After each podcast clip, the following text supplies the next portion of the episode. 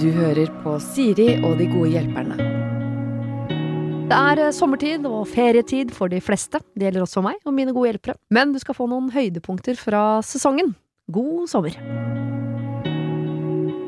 Denne uken er det Stig Brenner og Arif som er mine gode hjelpere. Vi er en guttegjeng som har hengt sammen siden barneskolen. Vi er sent i 20-åra nå, og bor på et medium stort sted, altså etter norsk målestokk. Det vil si, man kan gjemme seg her, men man vet etter hvert hvem de aller fleste på cirka samme alder er. Så er det den jenta. Det har alltid vært henne. Hun smiler bredere, hun ler høyere, hun tenker større, hun føler mer, hun er fantastisk, og det er ikke jeg alene om å tenke. Jeg tror alle gutta har vært forelsket opp igjennom, og etter over ti år med festing er det bare naturlig at en del av oss også har vært sammen med henne i ulike konstellasjoner. Ingenting langvarig. Men ikke jeg. Selv om jeg nok har vært den som har vært mest betatt hele veien. Men jeg er mer tilbakeholden enn de andre gutta, jeg har ikke snakket høyt når resten av gjengen har diskutert henne opp igjennom, men tro meg, jeg har hatt lyst. Jeg har hatt lyst til å rope, ikke snakk sånn om henne, hun er et menneske. Uansett, nå er hun min. Hun har studert i ja, ja. Hun har studert i en annen by noen år, men da hun kom hjem denne julen, møttes vi tilfeldig, og hun så meg for første gang. Alt har vært fantastisk siden. Hun kommer hjem til sommeren, og vi har allerede funnet et sted vi skal bo sammen. Så hva er problemet? Jo, det er todelt. Jeg har ikke sagt noe til gutta. Jeg vil ikke at de skal ødelegge med gamle historier og kommentarer som sånn Ja, endelig fikk du dyppa den i Anna, du òg. Hun heter ikke Anna, men vi kaller henne det. Og jeg har heller ikke fortalt Anna at jeg har vært forelsket i henne siden sjette klasse. Virker så desperat, liksom. Eller er det fint? Jeg vil jo egentlig fortelle henne om alle gangene jeg har forsvart henne, men gamle følelser av å være nerd kommer til overflaten. Hva tenker dere? Jeg syns definitivt han burde si at han har vært forelska i henne i sin sjette klasse. Ja, det er bare fint. Nå er hun din, hun Ja. kommer jo ikke til å Det er jo det fineste. Da Ja, det er legger hun i så fint, aksje for resten av Ja. livet. Det er skikkelig fint å si det. Hvis det er sant, selvfølgelig. Det er jo Men, det eh, beste komplimentet du kan gi, i stedet mm. for så Fy faen, du har så utrolig aura. Ingen bryr seg om auraen din. Energien din er så sterk, my love. My sweetheart. Eh, Ja. Hadde dere ikke blitt litt redd hvis dere hadde blitt sammen en jente som sa sånn 'Jeg har vært forelska i deg siden sjette klasse', jeg har bare Nei. aldri sagt noe. Nei, nei. Dere er jo sammen, så det i det til Hvis dere Hvis en av de ikke var interessert i den andre, så er det litt creepy, kanskje. Hun har aldri sett ham før nå. Hun har bare vært sammen med alle de andre kameratene hans. Har ikke noe å si, ass. Nei, ja, jeg syns det er ja, bra. jeg Jeg, jeg har tenkt på deg over Altså Halve over livet mitt. halve livet mitt. Er Og jeg har deg endelig. Jeg vil bare at du skal vite at den kjærligheten jeg har nå den, Jeg har ikke great. følt det sånn her for en annen Mm. jente, er jo på en måte det å si 'jeg har vært forelska i deg siden sjette'. mm. Mm. Ja. Kanskje ventet hun har flytta inn, eller? For det kan, jeg, Du er skeptisk. ja, for det, jeg, jeg, Har du jeg, fått høre den før? Nei, jeg, jeg hører at det er vakkert, men det er også bitte litt grann creepy. Nei, for Nei, i sjette de er jo klasse sammen. Du kan ikke noe for de sjette Nei, nei, nei, der er jeg ikke enig. Si Sjette det. klasse er bra Vet du hva, gjør alt klasse. du kan for å fange hun her nå, siden du Mm. har hatt lyst på hun så lenge. Mm. Og jenter elsker å høre det der. Ja, gjør de ikke det? Ja. Jo. hvis, Hvis, Det er bare hun, vi som elsker det. Det er ikke jentene engang. Det er vi som digger det. Fortell meg at du har vært forelska i meg siden sjette klasse. Uh, nei. Jeg, kanskje jeg hører at det er vanskelig nå, men jeg bare, fordi, hvis jeg hadde blitt uh, forelska i en fyr da, og falt for sånn faen, han er så selvsikker og sterk og akkurat sånn fyr La som jeg si trenger, du så setter meg med på plass. Drake. Ja, la oss si det. Kan vi ikke si det? Og, har du vært, og du har vært forelska i Drake siden sjette klasse. Ja. Og Drake er ikke kjent. Det er bare Drake i, på Alnabru. Ja Drake på Alnabru, altså. Og så sier du det til ham, og så tenker han fy faen, jeg betyr så mye for hun der. Og hun er virkelig, virkelig det er, Ja, nei, jeg mener det der er et tegn på at du Ja. Hvis du er sammen med noen, så skal det så mye til før du syns personen er creep. Hvis du sier 'jeg har tatt på meg selv siden sjette klasse' til bilder av deg, da er det creep. ja. Mm. Men hvis du sier 'jeg har vært forelder', det er jo ikke noe gutten kan noe for. Nei. Og Er det Jeg er ikke rarere å ikke innrømme det, og gå og ljuge og si noe annet? Og du må også Ja tenke på at Drake fra Alnabru er, er sannsynligvis medlem av Bandidos fordi han bor ute på Alnabru. Ja. Mm. Eller en eller annen Angels. En, Ja. Er det det kontor, Ja. Ja, kontoret det- deres er vel det ligger på Alnabru. Kontoret deres er ute der. Så du må, må vite at disse ordene er ikke lett for Drake fra MC-banden eh, å si. Nei. Men hadde det vært Drake fra MC-banden som hadde sagt dette til meg, så hadde jeg likt det, for jeg tenkte sånn Å, herregud, bak den skinnjakka er det en myk mann. Jeg elsker det. Mm.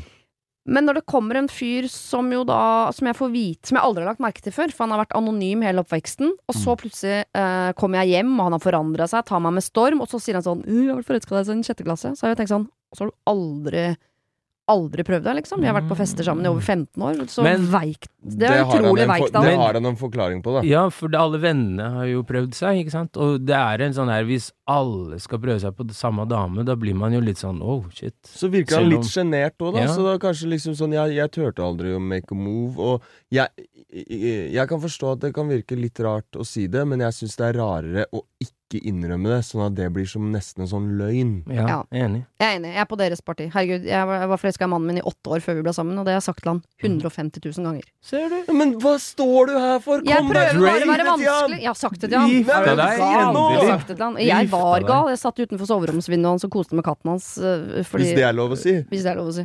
Drake fra Alnabru. Ja, Drake, fra MC-kontoret. Men det større problemet i dette problemet er jo Ja. Han har ikke sagt noe til gutta. Fordi Nei. den guttegjengen er en sånn gjeng som antakeligvis sier sånn Å, fy faen, Alle Anna, hun er deilig, ass. Alle dypper lollipopen ja. i Anna. Ja. Men vet du hva, det, det her eh, hvis, hvis det er det han er redd for, så mener jeg at han burde få seg en ny venn igjen. Eller så gjør, sier du det, så ser du hvem som er vennen din etterpå. Ja, ja, ja. Fordi du kan også fullføre den setninga med Jeg er ikke så interessert i at dere skal slenge dritt om henne lenger, for nå er det noen som jeg respekterer, noen jeg står nær. Mm. Hvis dere er nødt til å komme med kommentarer, kom med det, men ja, det her er noen jeg har valgt. Ja, og da kommer Litt som den partneren i stad. ja, Ja. Interessant. og, og når de, når de hvis de jokesa kommer, så ser man hvem som faktisk er, er der for deg. Støttende. Hvem som er støttende, og hvem Mm. som prøver å For nå er det ikke bare et one night stand du kødder med lenger. Mm. Nå er det på en måte partneren og samboer. mm. Ja. Og så har han jo endelig muligheten til å gjøre det han alltid har hatt lyst til, da. Hvis det kommer kommentarer, og stå opp for henne Ja. høyt og si Mm. sånn "Fa- Slutt med det der, hun Ja. er et ordentlig menneske, jeg vil ikke Mm. Fordi jeg skjønner jo den at han blir irritert. Min mann også har en kompis som i eh, alle mulige sånn 40-årsdag, 50-årsdag, bryllup Syns det er utrolig gøy å fortelle historien om da han og min mann fingra den samme jenta på party. Så jeg, skjønner at det er gøy for dere, men må jeg høre på? Jeg orker ikke. Hvorfor, hvorfor det? Jeg, Han syns det er gøy. Og hvis det er guttastemning, så tenker jeg at når han sier sånn 'jeg har blitt sammen med Anna', så skal alle fortelle sin historie om Anna. Ja. Det, vil- det vil ikke Han vil ikke Det høre er det. snakk- snakk om, det er snakk om. Og da må man er stoppe det. Mm -mm. Uh, og så gutter er jævla ufølsomme noen ganger, så jeg tror heller ikke du kan bare liksom si Hvis en sier sånn å ja, velkommen etter, liksom. Mm. Så bør du kanskje ikke si 'Vi er ikke venner lenger, din jævla ordbok Nei, nei. horebukk'. Ja, eh, Men, det er sant. men eh, se litt an hvordan de kanskje er der og etterpå. Enig. Og jeg mener det er en annen diskusjon nå når de skal bli samboere. Det ligger Mm. noe sannhet bak de jokesa. Og mm. da mener jeg man burde ta noen steg bak og bare se litt på vennegjengen sin, altså. Mm. Men kan man være frekk og si sånn ja ja, man må pløye gjennom en hel del drit før man ender opp der man skal, aktig? Man har jo vunnet. Ja, ja, det, den Ja. der er jo Det er en smakfull joke. Nja. jeg vet ikke helt, jeg. Ja, Nei, den eh, jeg, jeg, jeg vet ikke. Den, den der tåler man, men liksom eh, Velkommen etter, eller vi Mm. har vært der før, eller Det, det er ikke noe fett. Eller eh, gå Men det til er, hun det er ikke nok, føler jeg, til å Nei, si nei, sånn 'Vi nei, er ikke det er ikke nok, kompiser'. det er ikke nok, men det er, det er ikke fett, og da får man i hvert fall et lite innblikk i hva kanskje en person kan tenke. Mm. Eh, og så er det jo opp til denne som deler ut disse jokesa, og den som tar imot jokesa, hvor de skal gå inn etter det her. Men det er jo ikke Man skal jo være Man skal jo være glad for kompisen sin. Det går jo også an å si det på en måte der du Ok, hør her, gutta.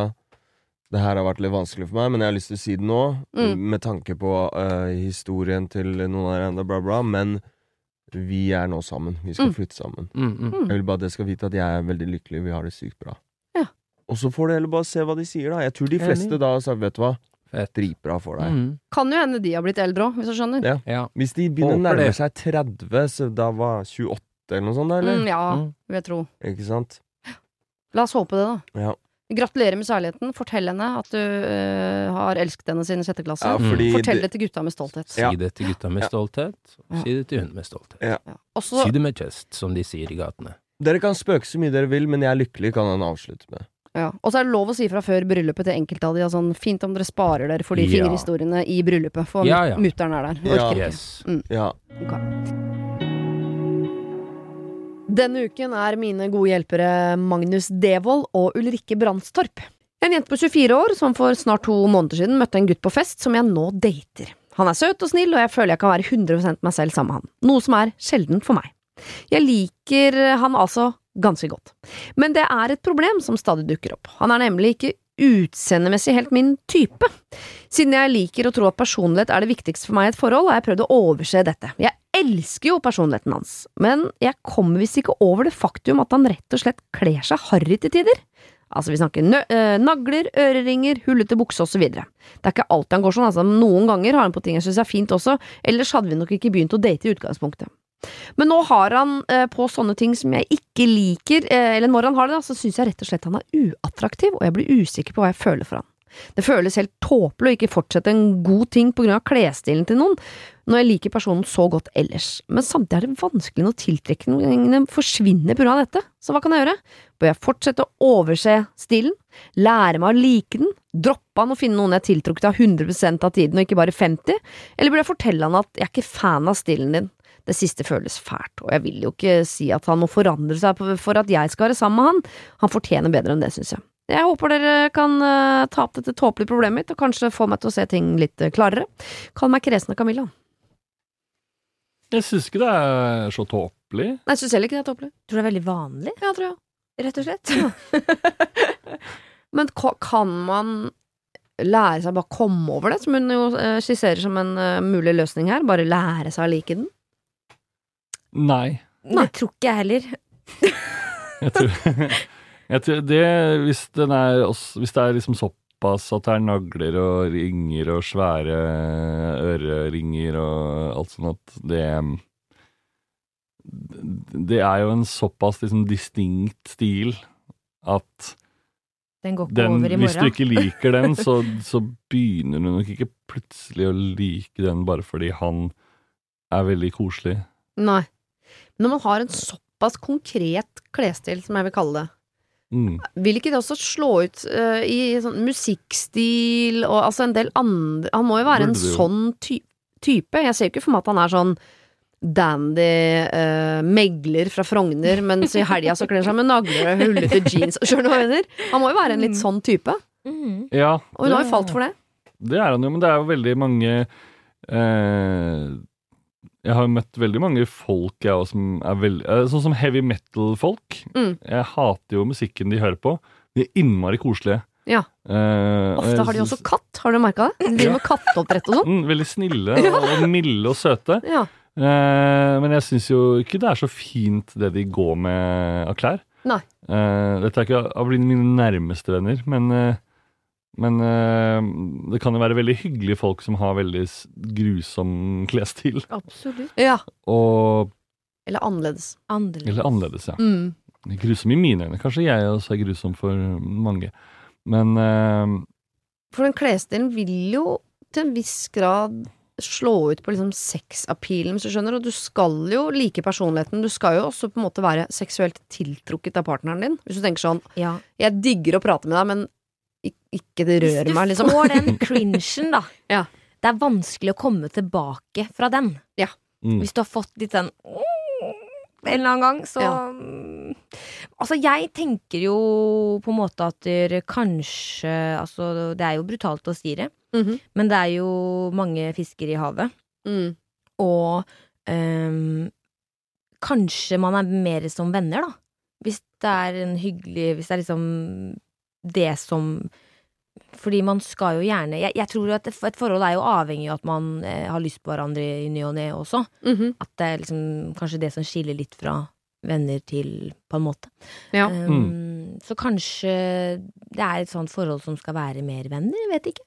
ja, man skal jo liksom heller ikke gå inn i et forhold for å begynne å forandre Nei, det er det som er vanskelig, noen. Du kan ikke kjøpe ti nye bukser til han en uke inn og si at 'jeg syns du hadde vært så fin i disse', Ja, og så kanskje vi skal bare gi bort de andre du har, i tilfelle det blir litt mye bukser nå.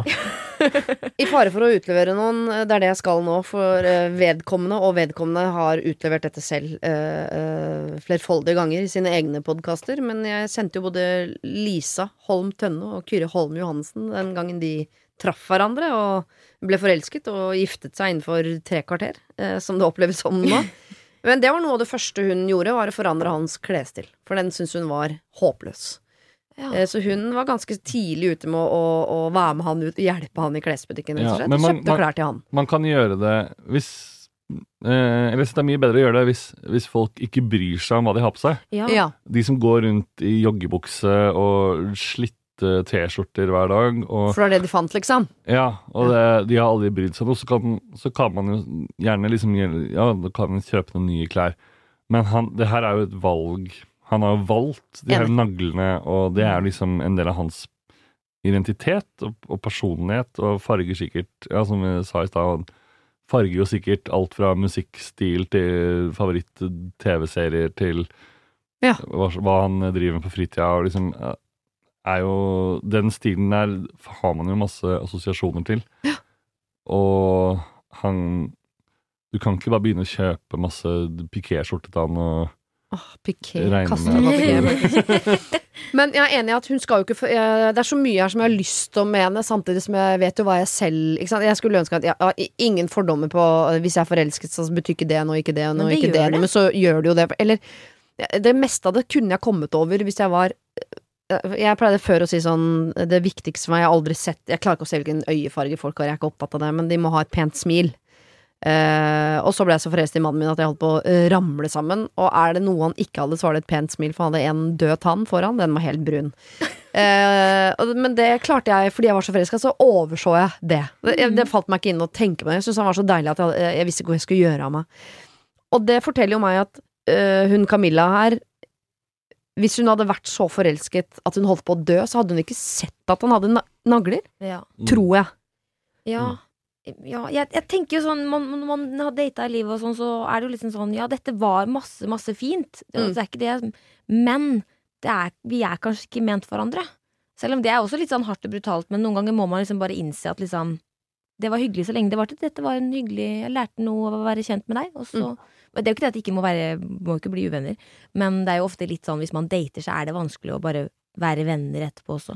Hun syns han er uattraktiv 50% av tiden. Ja. det syns jeg er litt bra. mye en, en ting er 90, altså, Ja. men Mm. eh, Ja, for det er sånn Hvis det var e den ene buksa som er sånn som hang igjen fra den perioden hvor han var sånn aktig, så er sånn den bare Den forsvinner på et eller annet tidspunkt Ja. mystisk og blir erstattet med noe annet.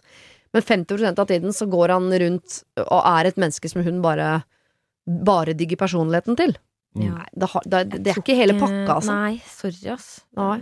Nå kommer vi til å få sinte meldinger sånn Det har ingenting å si. Men jo, men det har har noe å si for Camilla. Halvparten av tiden så tenker hun "Eh, vær så snill å gå inn i et telt. Jeg orker, jeg orker ikke å se på det. Ja. Ja, Nei, Camilla. sorry. Men som du sier, det er jo så mange fisk i havet at kanskje hun skal trene seg på å si det til et land. Mm. Jeg, jeg, bare, jeg elsker personligheten din, men halvparten av tida så jeg, så jeg kommer meg ikke forbi klesstilen. Mm. Sorry. Og så kan det hende at han sånn Å, det greiene her! Sorry! Jeg hadde en sånn uh, periode der jeg digga, så kom jeg ikke på noe musikk. Linkin Park. Linkin Park! Men det er jo mange år siden, og så etterpå har jeg bare ikke brydd meg, liksom. Nei, det kan jo hende. Kan hende. Og så finner de ut av det. Og så kanskje de kan ha en sånn seksuelt ritual hvor de brenner det sammen, eller et eller annet. Jeg vet. Perfekt. Perfekt. Ok. Prøv å si det til han. I verste fall mister han. Ja. Men det tenker vi er greit. I beste fall mister han. I beste fall. Altså. det er harsh. Har du et problem og trenger hjelp, ja, så sender du det til meg. Da bruker du Siri, alfakrøll, radionorge.no. Denne uken er eh, Bendik og Ari mine gode hjelpere. Kjæresten min jobber på båt og er ofte borte i en eller to uker av gangen. En sjelden gang kanskje en måned. Han deler en liten lugar med en annen person, men av omrokeringer har han nå fått en ny samboer på lugaren. Han fortalte meg i dag, eller rettere sagt dro jeg det ut av han, at han skal nå dele lugar med Lise. Dere kan kalle henne for Fise-Lise. Så hun hater den jenta allerede uten å ha møtt henne. Det, jeg, det kan jeg kjenne meg igjen. Ikke fordi problemet er at hun fiser, men fordi jeg allerede misliker henne såpass sterkt at jeg har blitt bitter og sjalu. Jeg har hatt en grusom, øh, vond og kvalm følelse etter at jeg fant dette ut, og aner ikke hva jeg skal gjøre. Jeg sliter allerede litt med sjalusi med tanke på at han er borte lenge av gangen. Dette har jeg klart å finne en måte å leve med, men dette, at han hver natt skal sove med en vakker, blond og utrolig veltrent jente på et bitte lite rom der de må skifte foran hverandre og sikkert blir veldig close, ja, vet du hva, det blir for mye for mitt sjalu hode å takle. Jeg vet at jeg kommer til å slite med dette hver gang han er på sjøen. Selv om jeg stoler på at han ikke kommer til å være utro, kommer jeg likevel til å tenke på det, og det bekymrer meg så det gjør vondt, hvis dere skjønner. Og det er visst ikke bare å bytte rom heller. Da blir de plassert eh, rundt, litt sånn tilfeldig, ifølge han.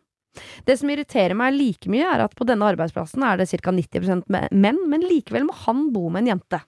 Må jeg bare leve med det? Jeg har det helt jævlig med meg selv ca. annenhver uke, fordi jeg vet med 99 sikkerhet uh, at jeg kommer til å ha det vanskelig. Er det verdt det? Jeg elsker henne virkelig, og vi har det utrolig bra, men dette plager meg på ekte veldig mye. Jeg vurderer faktisk om det er bedre å gjøre det slutt nå, før noe skjer, enn å vente på at det skal skje. Tilleggsinformasjon. Vi er i slutten av 20-åra. Samboeren er på jakt etter eh, nytt hus og tenker på barn om ikke mange år.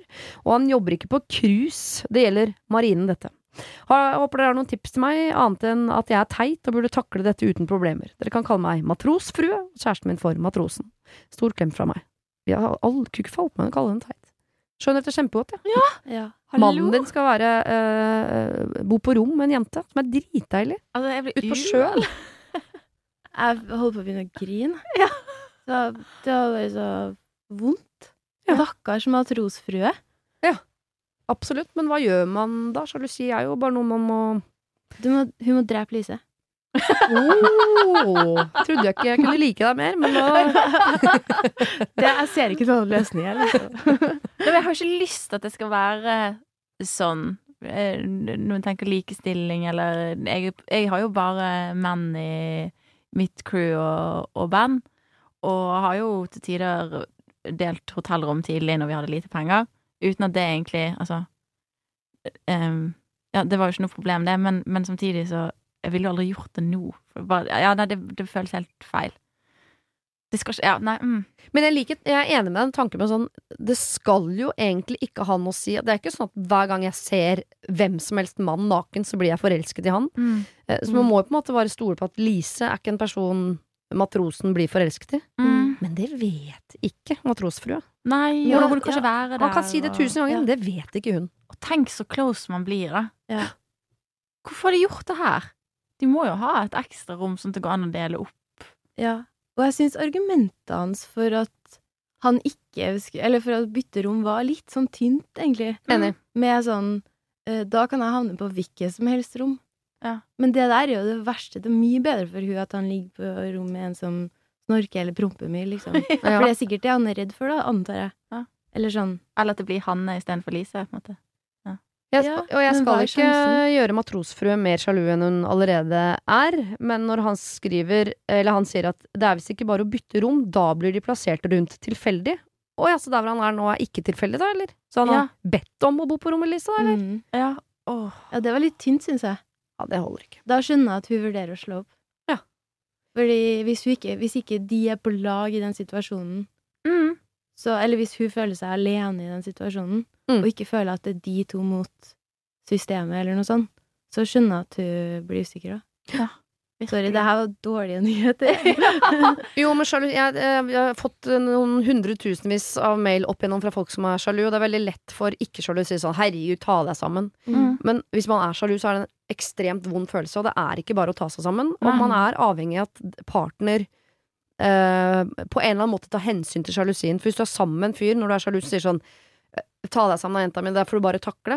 Ja. Det, da, det man ikke skjønner, er at du ødelegger jo ditt eget forhold også. Og hvis hun Ja. skal ha det vondt i de to ukene han er på sjøen, Mm. og så kommer han hjem, det er ikke sånn at hun glemmer det det han kommer inn Mm. døra, så de ukene han er hjemme blir også litt vonde. Ja. For hun kommer til å bruke halvparten av tida på å skule på han for å sjekke sånn ha, Ja. Ramla det en lang, lys lokk ned fra uh, capsen hans nå, Mm. eller hva- jeg syns det lukter Lise av hele fyren. Ja. Så eh, han må skjønne at ja, det er hun som er sjalu, men han er også med på å herpe det forholdet ved å ikke gjøre noe med det. Mm. Ja, og så kan eh, Hvis han hadde vært lur nå, så hadde han ordnet opp i det og, og sagt sånn OK, jeg har lært av det. Eh, Ja. Beklager at jeg ikke bare fikset det på Mm. eget initiativ. Ja. Eh, så ja, han burde jo bare gjøre det. Ja, og at, han, og at han ikke skjønte at han Det der er alvorlig, liksom. Ja. Det fortjener at han sier sånn Du, jeg har noen ting jeg må fortelle. Nå setter jeg ned, liksom, og la oss snakke om det. Mm. Istedenfor at hun bare fant ut i en bisetning at det var en jente som het Lise, og så begynne å finne ut at hun er veltrent, og at Ja. skal liksom Eller sånn han, han burde jo kanskje sagt det på en sånn Ja. ordentlig måte, da. Mm. Ja, for det gjør det jo bare verre, ja, at, at hun har tatt det ut. Ja. Ja, men Ja. mindre han er sånn fyr som Han har ikke tenkt at det er problematisk engang, Fordi for han så er Lise Knut, på en måte. Ja. Da burde du vært Så han bare «Å, jeg tenkte ikke på at det var Da, da burde du dumpa med en gang, også. Hvis han ikke skjønner at det At det liksom en blond Lise i samme seng to uker i strekk, eller ikke sammen, men på samme rom, som basically er samme seng, Mm. det, da, da tenker jeg han ikke er verdt noe. Eller å spare på, da. Nei. Ja. Ja, Han må skjønne dette, men jeg skjønner at det kan være litt sånn kronglete for han å gå til sjefen om bord. Vet ikke hva det heter, jeg. Mm. Eh, det er vel ikke kaptein i marinen, samme det. Og si sånn 'Jeg kan ikke bo på rommet med Lise, for mm, dama er sjalu'. Men er ikke det helt fint å si? For jeg kommer til å miste forholdet mitt hvis ikke jeg får bytta rom. Ja. Ja, hvor- men- det er ikke altså, er det flaut å men, si? Vi har jo vært inne Men altså, tabuer, sjalusi Men det er jo så mange som er det, og det er jo menneskelig. Det er jo instinktet. Man passer sitt eget revir. Mm.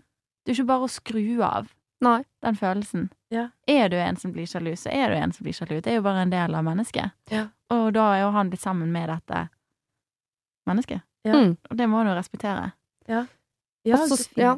Og så skal han passe seg for å ikke mate det monsteret, på en måte. At hver gang hun blir litt sjalu, så må han liksom øh, ommøblere livet sitt ut ifra det. Men Nei, nei. akkurat dette her Ja. Mm.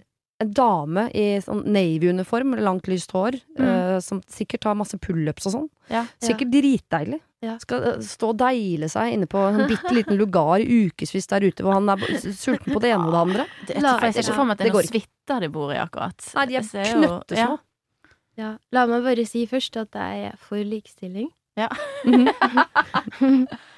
Men når det kommer til sånn unisex-toaletter, og at folk skal stå på samme rom og late som det ikke liksom er to forskjellige kjønn, der syns jeg man kanskje burde ha et valg, da. Mm. At Mm. det er veldig for Jeg syns det burde vært tre toaletter.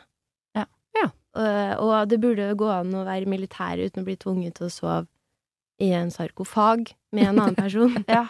Det er som Liksom. å dele solarium. Jeg tror det er på den størrelsen, på en måte. Ja. Tenker, Ja. Plutselig har jo Lise kjæreste også, men øh, øh, Ja, det skal jo litt til for at eh, At man skal da Det er mye å forvente av de Ja. som er hjemme. Ja. Å sitte og vente en uke på kjæresten og eh, Stakkars Lise, tenker jeg òg. Eller sånn Tenk å bli tvunget til å sove på samme rom som en dude i to uker, liksom. Jeg hadde vært så stressa. Så får du ikke ligge med han engang. Nei! Så nedtur. Ja. Nei, vet du hva. Eh, eh, vi syns ikke du er eh, teit Mm-mm. matrosfrue. Dette syns vi er veldig veldig forståelig. Og her eh, syns vi du kan faktisk sette ned foten og si fra at dette her er såpass ukomfortabelt for meg at det ødelegger både den tiden du er borte, og den Mm. tiden du er hjemme. Så dette forholdet ryker. Mm. Hvis ikke du gjør noe med situasjonen. Det høres jo ut som at det er verdt å ta den kampen, ja. Mm. Lykke til. Ja. Denne uken er eh, Terje Sporsem og Simon Nietzsche mine gode hjelpere. Jeg er hodestups forelsket i en jente på skolen. Jeg er russ i år, hun går i første klasse. Jeg vet at hun liker meg òg. Vi har truffet hverandre noen ganger i smug, og det er superhyggelig. Så hvorfor ikke bare bli sammen? Fortelle alle, og så videre? Jeg vet ikke hvordan jeg skal forklare dette uten å høres klyste ut, så la meg bare si det litt stereotypisk. Jeg er i den kule gjengen. Hun er, sett utenfra, nerd. Og dette snakker vi om, og hun er overraskende kul på dette. Det er jeg som er svak her, som ikke tør å stå for det jeg føler, men jeg klarer ikke. Jeg utsetter det hele tiden. Men jeg må jo, det er jo henne jeg vil ha. Men hva er den perfekte anledning til å introdusere kjæresten for gjengen? Og jeg tror jentene her kommer til å reagere mer enn gutta. Kall meg Thomas uten H. Dette høres ut som en Mm. NRK-serie jeg har sett, som er den fineste serien jeg har sett. Ja. Skam. Ja. Men Ar- ar- eh, Arveoppgjøret? Nei! Normal people med han kule oh, ja. fotballduden som blir sammen med hun vakre nerdejenta. Ja. Har deilig sex i hvert fall et år. Ja. Herregud, så fin serie. Jeg har sett den to ganger. Første jeg tenkte var f samle ballene dine nå. Og stå for eh, hun eh, du faktisk liker. Det er så sjelden at man møter noen hvor det bare er begjær og virkelig sånn eh, det er, du, Han vet jo at det er hun eh, Han vil ha henne. Han vil ha henne. Ja. Det er De er jo det på en måte sammen, egentlig. Det er ikke noe å lure på. Han trenger en, en litt sånn god eh, anledning til å eie det. Eh, Sånn at alle syns at han bare er kul, som har med hun eh, som ikke har vært med så mye til nå. Så han Men må hva er den anledningen? Nei, det er den jeg driver og Jeg prater jo nå for å mens jeg tenker. Ja. Men, men jeg, jeg trodde jo egentlig folk var ferdig med det Eller folk skjønte nå at når du er litt sånn nerdete, så Mm. er du egentlig den som kommer til å bli et eller annet helt fantastisk. Ja, men Vi har skjønt det fordi vi er gamliser. Men de som er 18 nå, har ikke skjønt det noe mer enn vi hadde skjønt det når vi er 18. Det er ikke sånn at verden blir mer og mer kunnskapsrik. Det er bare de eldste blir smartere. Jo, men- Dessverre. Ja, ja, altså, for, ja, ja, sånn har det blitt. Jeg trodde vi, vi Nei ga ja, noe vi, videre. vi, ja, men ikke de. Ja, det er sant, det er sånn vi er. Han kan jo for eksempel bare skrive noe inviterende på vors, Mhm. Og så um, skrive noen vitser til henne.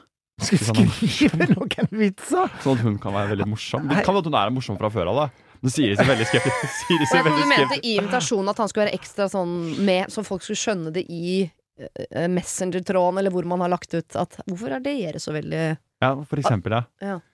Eh, det, han kan også kysse henne foran alle, for det uh, gjør at han blir Det er kult, for det er kult med folk som tør. Ja. Mm. Og det tror jeg kan spille Det er litt som at du må innrømme at du er redd for hund. Det ja, er et sånt øyeblikk. Nesten. ne, ja, Ja. nesten. Ja. Og så må hun eh, da eie det òg, og hvis de eier det sammen, så er de Det tror jeg eh, folk eh, det, det, er- Alle har lyst til det, og, og ha ballene til det. Jeg tror han må gjøre litt sånn Han må gå litt foran her, og, og holde henne i hånda. Kanskje han kan si noe på henne. Er det en avslutningstale for russen eller noe sånt nå? Kanskje han kan si noe, erklære en kjærlighet til henne der? Er ikke det litt Eller er jeg helt off nå? Nei, altså, det, det er veldig lett å falle inn i en film, liksom. For jeg ser jo for meg åtte veldig gode filmscener her, men så er det noe med å Og, og passe på å ikke gjøre det for pompøst heller, for det er noe med sånn eh, Hvis dette bare hadde vært en av de jentene i gjengen allerede, da, Mm. så hadde du ikke hatt noe behov for å liksom proklamere eller ta det inn i en tale, Mm. eller så, så det er ikke noe sånn Det virker nesten litt sånn Ved at du gjør det stort, Mm. så gjør du det også tydelig at sånn Jeg vet at dette er helt off, hun er jo skikkelig nerd, men ja, ta-ta! Da har du rett i. Ja. Men, men eh, det virker jo som at han har behov for å være i den kule gjengen, avhengig av at han gjør de riktige valgene.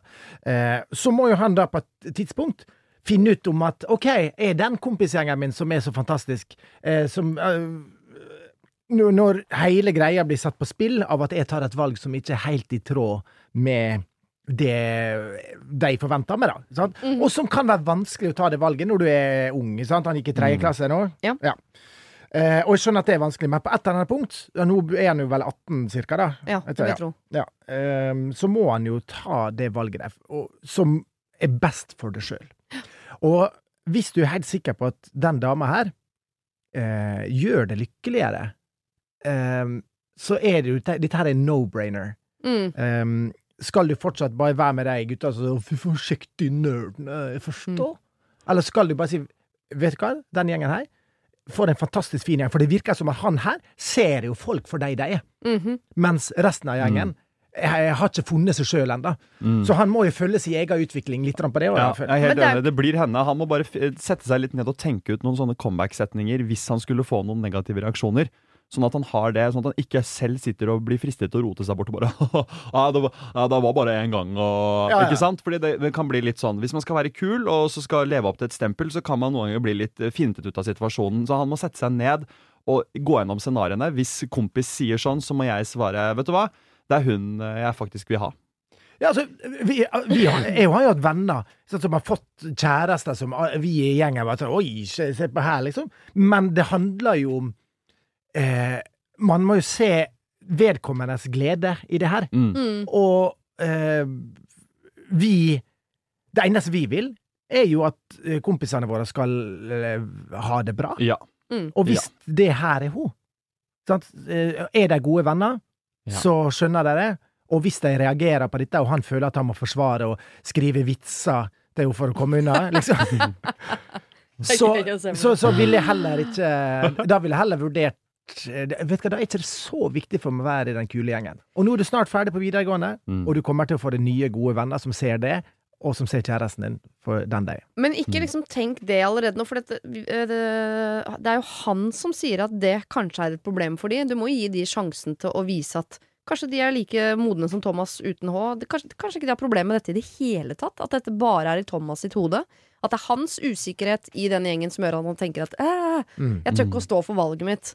Så kan det hende at de bare Hva stresser du med det, har ikke- Hun er dritkul, liksom. ja, jeg digger tenkt det. Det er ikke så Ja, det er ikke så kult, nei. Men han er en som vi har glemt å snakke litt om, er at han tror at jentene kommer til å reagere mer enn gutta. Og det tror han har helt rett i. Ja, det er det jeg mener at han At det er jentene i gjengen som tenker sånn Å ja, hva er gærent med oss, da? Ja, men der tenker jeg han skal forberede noen gode setninger. Og Ja. bare si sånn, Dere er helt fine, men vet du hva, det er faktisk hun jeg vil ha. Fordi Mm. alle forstår språket kjærlighet. Ja. Og selv jenter. Kanskje spesielt jenter. Ja.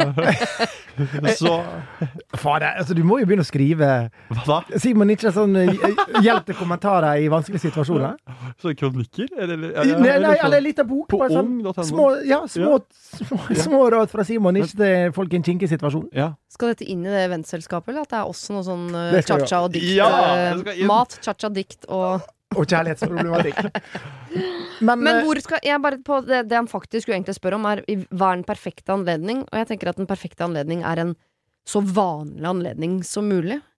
Fordi ved å slå på stortromma når du skal introdusere en dame her, så, så, Så så, så har du egentlig bare liksom eh, Da er det jo Da driver du med de stereotypene og, og, og nærer de, liksom. ja, Men de er jo der. Jo, jo, Ja, vet vi det? men, men slår det på stortromma, da legger du et forventningspress. Altså, la oss si at det ikke blir, da, men de prøver, og så blir dette her Og og det kan godt hende at hun førsteklassingen da Mm. eh, kommer til å bli helt satt ut av Altså Hvis noen skulle komme til og sagt OK, nå skal vi møte gjengen min, jeg klinker litt på, og så er det hornmusikk og fanfare Flashmob. Ja. Ja. ja. men jeg tenker- jeg- og, altså- og boka til Simon Ja. Nietzsche med ordtak. Ja, men dere må komme opp med et konkret liksom sånn Er det ikke bare å leie inn i skolegården på en onsdag klokka ni? Jo, det er kult. Litt sånn diskré, jeg kan være enig. Men jeg også er jo litt tilhenger av at eksempel hvis han går bort til hennes gjeng Ja, og viser foran den gjengen hennes ja. at jeg er med henne, og kanskje gir et tørr gi et kyss, liksom. De Ja, har jo lyst på hverandre. Mm. For da vil det eh, det, vil, det vil snappes opp av den eh, såkalte kulegjengen. Det, vil- det vil bli rykter om det. Absolutt. Og da vil de høre om det organisk. Og da vil det være å, ja, kult liksom at han marsjerte bort dit og satte seg der et store fri, og ikke nødvendigvis måtte sitte på det kule bordet vårt, men at Ja. han Vet du hva? Eh, del opp uka litt i to nå. Halve uka så sitter du der og blir kjent med den gjengen. Og så kommer du tilbake til din gjeng, og hvis de får kommentarer 'hvor er du blitt av', sånn, så har du noen litt sånne snappy, eh, kule, kjærlighetslada svar tilbake. Som, for, som for eksempel. Som for eksempel. Ja, bare spiller det ut, da? OK. ok Hva, hva satt du med førsteklassingen, da? Er du Øyvind Munn nå? Ja, ja, ja, ja, ja. Ja. Hvorfor var du med i da? Altså, vi har sittet her og spist tapas hver dag. Mens du har sittet der og spist brød, br- brunost. Og, ja, Tydeligvis en videregående på vestkanten etter å spist tapas i Storefri. Det er Er det handelsgummel vi er på? Du er jo fra Sunnmøre. Det er jo ikke det er så, Vi må jo Vi skal det var fantasi! Ta det- ta- ja, det er bra, det. Okay, greit. okay. Ja. Dunsjerusen, dette her. Oi! Ja. Oi! Hvorfor har du Ok. Nei, Nei, hvorfor, du har, hvorfor har du vært der borte hele tida? Mener du? Ja, men du må komme og sitte med bordet med oss. Vi er jo kule gjenger. Hvorfor sitter du med nerdegjengen fra første, liksom? Ja, Hvorfor er de som nøler, det? Ja, Men se på deg, da! Vi er jo Se! se. Uh, Ja ja, men uh, hun jeg har eh, tapas, og du har sushi. Og. Ja, men fader, hun eh, er ganske Hun er en Martine der. Hun er ganske kul. Hun nerden? Ja, nei, hun er ikke så nerd i det hele tatt, faktisk. Og jeg er faktisk ganske keen på henne. Så, Serr? Ja, serr. Og jeg tenker faktisk at uh, eh, det er kanskje hun jeg skal bli sammen med nå i, inn mot russetida. Så jeg tenker kanskje det hadde vært hyggelig at dere ble med og hilste på henne. Ja. Er det bare one night stand, eller? Nei, Er det real love, liksom? jeg tenker det. Jeg, og jeg føler at det er noe spesielt der. Og faktisk den gjengen er ganske kul òg, så jeg kommer faktisk til å sitte med de litt uh, framover. Så får du heller eh, Terje Sporsem, som er 40 og litt for gammel til å være her. Skal jeg være helt, skal jeg være helt ærlig? Ja, nei, Det er Det er rart at du læreren fortsatt som det går bort. det er rart at du reagerer på det som lærer. Skal jeg være helt ærlig, fuckings ærlig med deg, liksom. Og at du er med å rulle med oss også. Syns jeg også er jævlig slitsom. Gross, faktisk. Du er faktisk jævlig slitsom miljøarbeider, og det har vært jævlig mange år nå. Og jeg begynner å bli drittlei det, liksom. Vi er kule, vi. Og jeg kommer, og hvis du har et problem med det, så får det heller bare være, ass. Jeg, jeg digger dama. Jeg digger Ok. dama. Ok, da må jeg si du ga meg et perspektiv på livet jeg aldri har hatt. Jeg endrer meg heretter. Lykke til med kjærligheten. Jeg syns du er kul, og jeg syns hele den gjengen der der er kul. Jeg syns også egentlig det er kult at du tar det opp, men jeg må bare sette deg på plass noen ganger. Ja, jeg må gå inn, for jeg skal ha gym. Jeg skal ha gym i tredje klasse. Ikke dusj med de alle. Egen- du vet at det er egen er sjuk som. Det er ikke alle lærere som har fått med seg det.